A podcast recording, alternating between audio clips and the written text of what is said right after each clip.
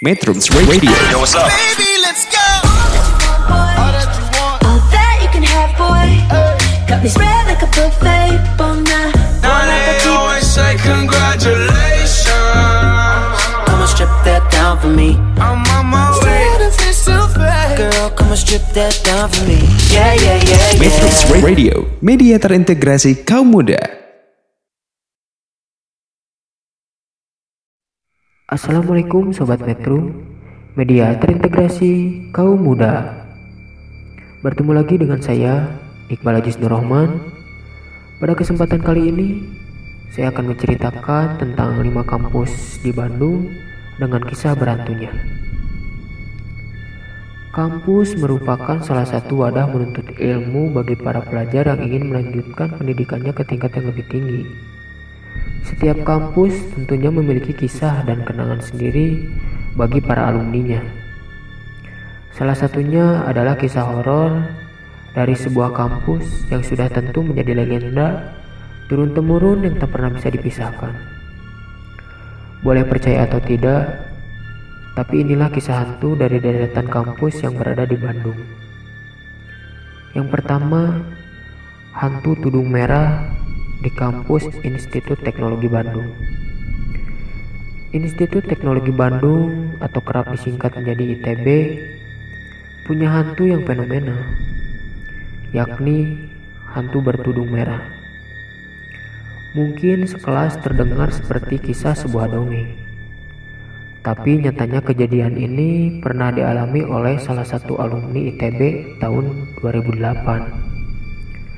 Ia melihat ada sosok wanita yang duduk menyendiri menggunakan kerudung merah duduk di sekitar letek biru saat ia hendak pulang. Kejadian itu memang sudah larut malam sekitar pukul 23.30 malam. Konon hantu ini jadi sering memunculkan sosoknya saat tengah malam kepada kumpulan mahasiswa yang masih berada di sekitaran kampus.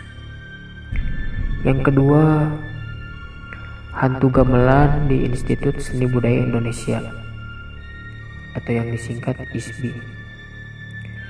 Mendengar suara gamelan mungkin kental dengan aura mistis bagi sebagian orang.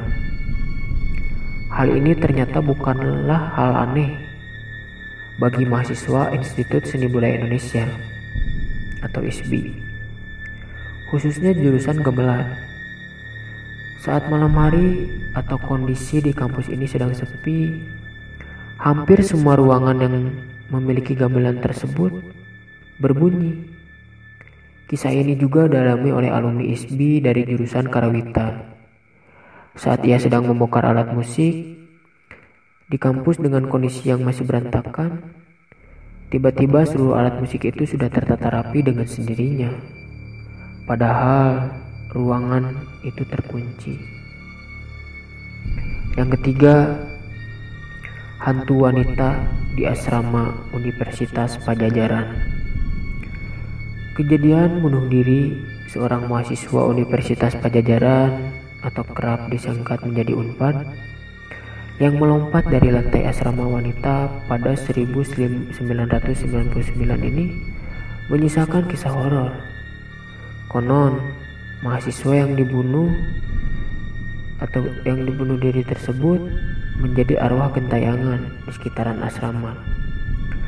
Hantu tersebut sering muncul dengan tubuh, melompat-lompat dari asrama. Kemudian terjun bebas dari lantai tertinggi gedung tersebut. Yang keempat, hantu noni Belanda di Universitas Islam Bandung. Kampus Universitas Islam Bandung atau disingkat menjadi Unisba yang didirikan sejak tahun 1958 ini konon berdiri di lahan bekas kuburan Belanda. Sehingga salah satu hantu yang paling fenomenal di kampus ini merupakan hantu berwujud noni Belanda lengkap dengan gaun zaman Belanda. Biasanya hantu ini cukup mudah ditemui oleh mahasiswa yang menginap di kampus pada malam hari. Kemudian, hantu noni Belanda ini juga juga biasanya muncul di lantai ketiga kampus. Yang kelima, Jeritan suara gedung Isola Universitas Pendidikan Indonesia Universitas Pendidikan Indonesia atau dikerap disingkat menjadi UPI memiliki villa Isola dengan gaya bangunan klasik Eropa. Bangunan yang sudah berdiri sejak tahun 1933 ini menjadi bangunan tua yang menyeramkan. Kabarnya saat malam hari di gedung ini sering terdengar suara jeritan dan tangis seorang wanita. Sosok suara misterius ini masih belum ada yang berani mengungkapkan karena mendekati bangunannya saja bisa bikin bulu kuduk merinding. Itulah lima kampus dengan kisah horornya di Bandung. Metrums Radio, media terintegrasi kaum muda.